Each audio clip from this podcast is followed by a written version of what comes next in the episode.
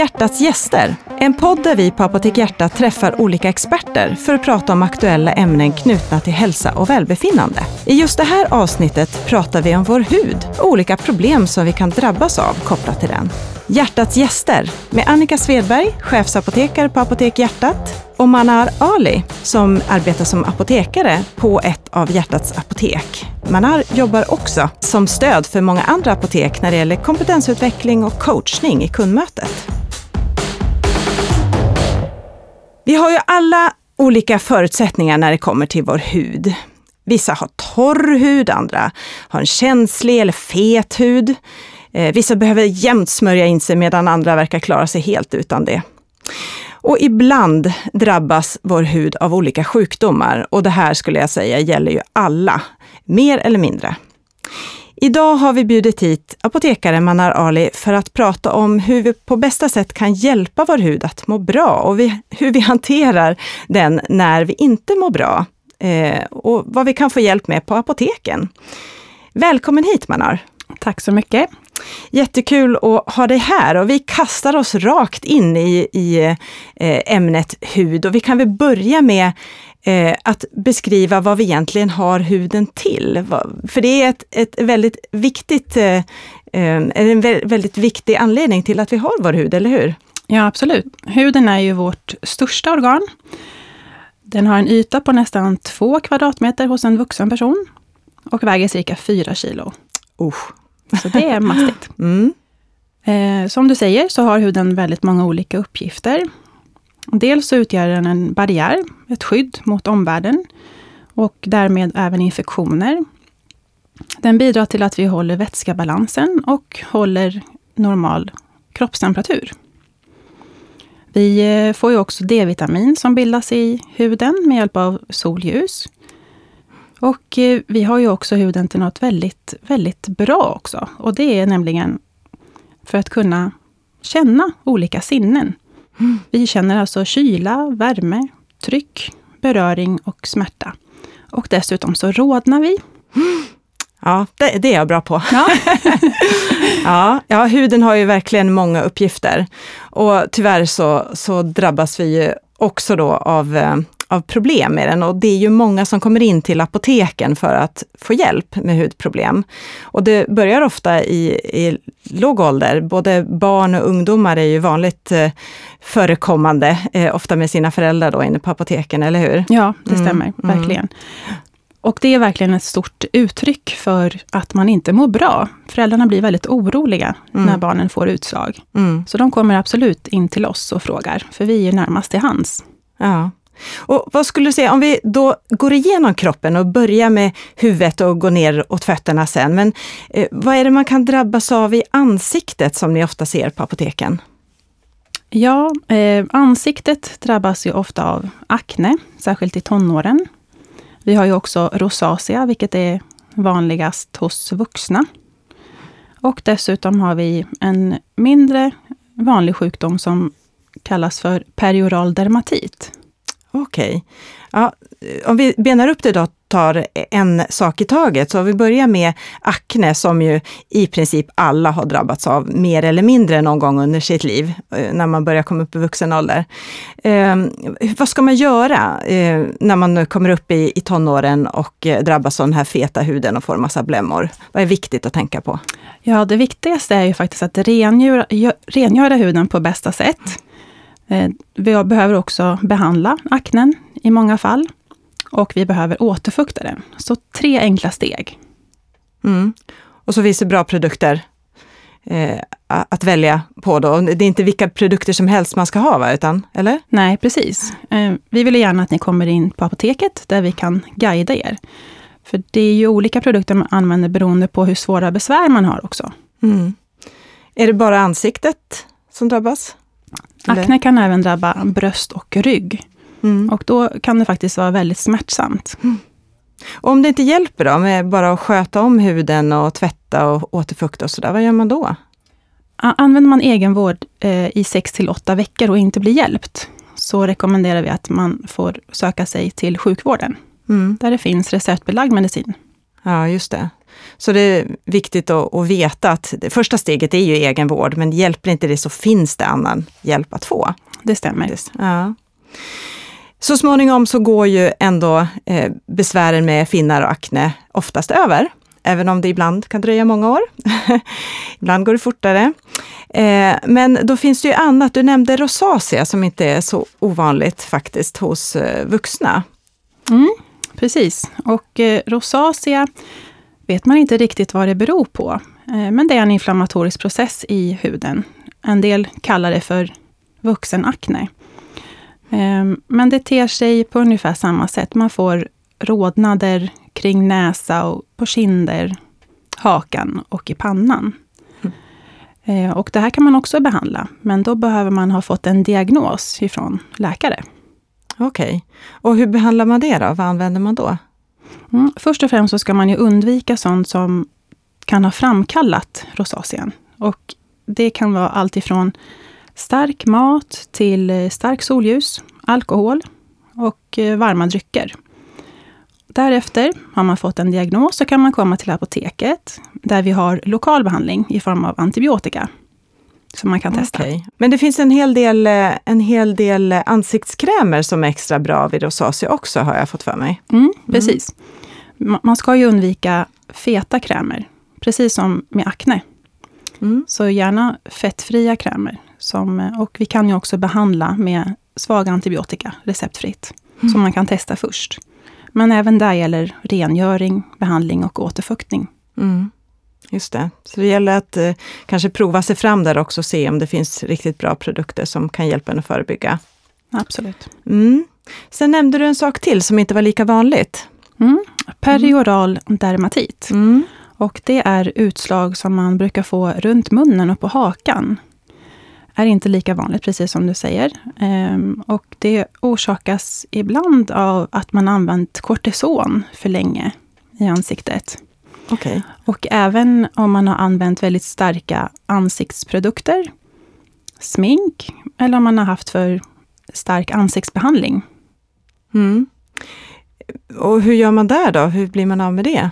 Där är det sjukvård som gäller på en gång. Vi kan tyvärr inte hjälpa dem med egenvården. Okej. Okay. Du, du, nämnde här tidigare när det gällde rosacea att det kan påverkas av vad man äter.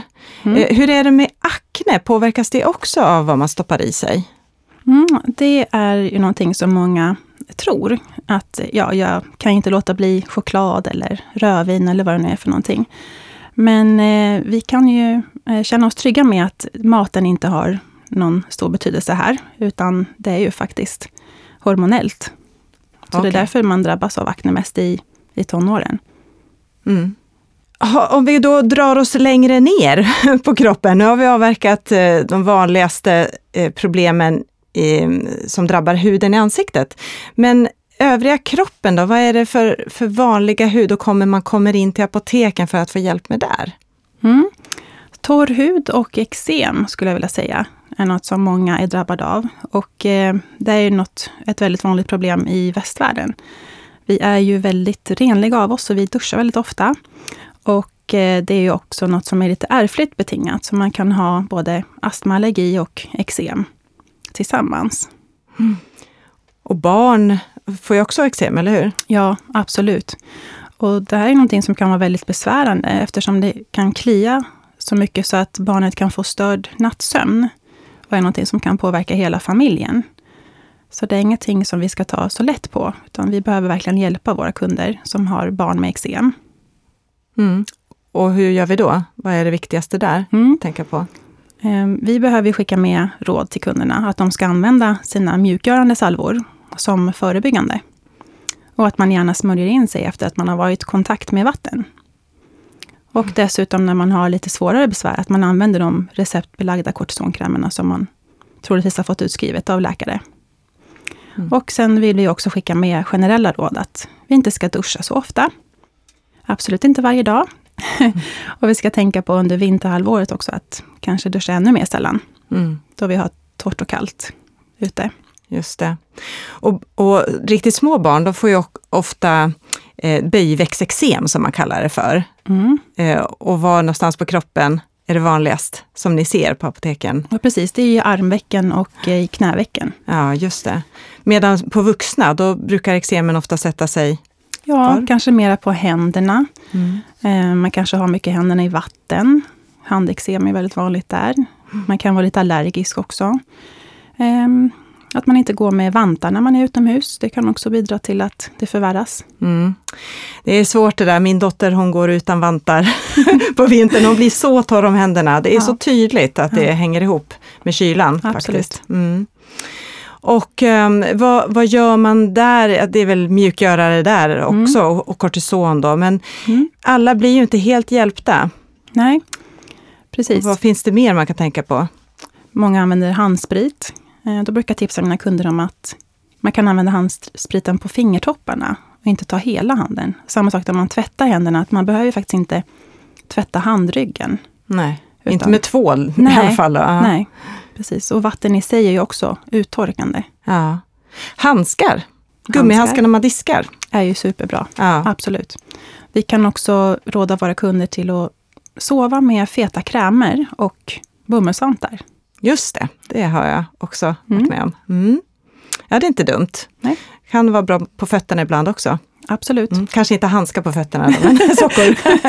ja, Precis. just det. Eh, torr hud Mm. eh, och eksem var det. Något som man också eh, hör talas om och själv naturligtvis också drabbas av från och till, det är ju svampinfektioner av diverse olika slag. Mm. Och det är också vanligt förekommande att man just kommer till apotek eh, med den typen av problem, eller hur? Absolut. Och svamp kan ibland se ut som eh, eksem. Eh, lite rodnad, fjällande hud. Och svamp kan ju sätta sig lite varstans, men i egenvården kan vi hjälpa kunder som har svamp i underliv, alltså kvinnor, svamp i ljumskar och svamp på fötterna. Och eh, som sagt, kom till apoteket. Visa, eh, kanske inte underlivet då, men fötter och Ja. ljumskar. Ehm, Och fotsvamp kan man ju ha samtidigt som ljumsksvamp. Och det drabbar mera, fler, i större utsträckning män. Mm. Då man tar på sig byxorna, man har först fotsvamp och så vandrar svampen upp till ljumskarna. Mm. Ja. Och så ofta så är det ju eh, killar som du säger som har täta skor, håller på att idrotta mycket. Mm. Eh, För svampen gillar ju det här med att det är det är tätt och varmt och eh, Absolut. lite luftigt. Precis. Ja. Så råd där är ju, förutom att det är, är smittsamt också, så många som vistas i badhus och i träningslokaler och så, att man gärna tar på sig tofflor.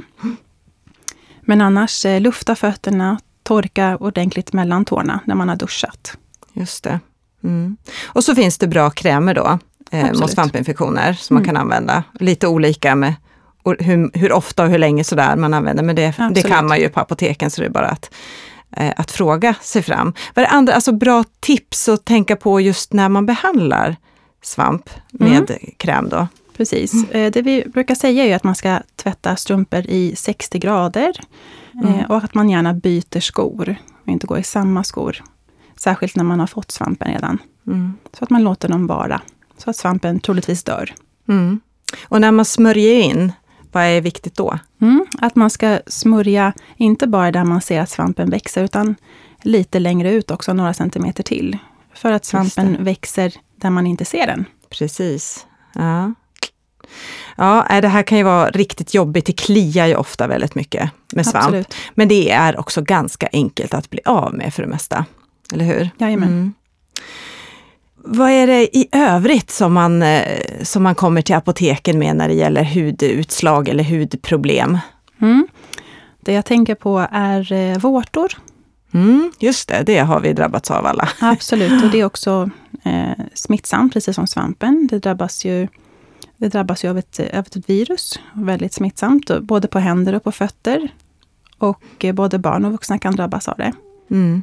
Vad rekommenderar man numera på apoteken? När jag var liten så fanns det ju som man skulle pensla på och det var hur många gånger som helst och man fick hålla på i en evighet. Vad finns det idag? Har det kommit bättre produkter? Ja, det finns ju produkter som man bara behöver använda en gång i veckan. Och då brukar kunderna fråga, men hur länge ska jag använda? Ja, det är lite svårt att säga, men ju längre tid man har haft vårtan, särskilt om den sitter under foten, desto längre tid tar det att behandla, för den växer ju inåt. Mm.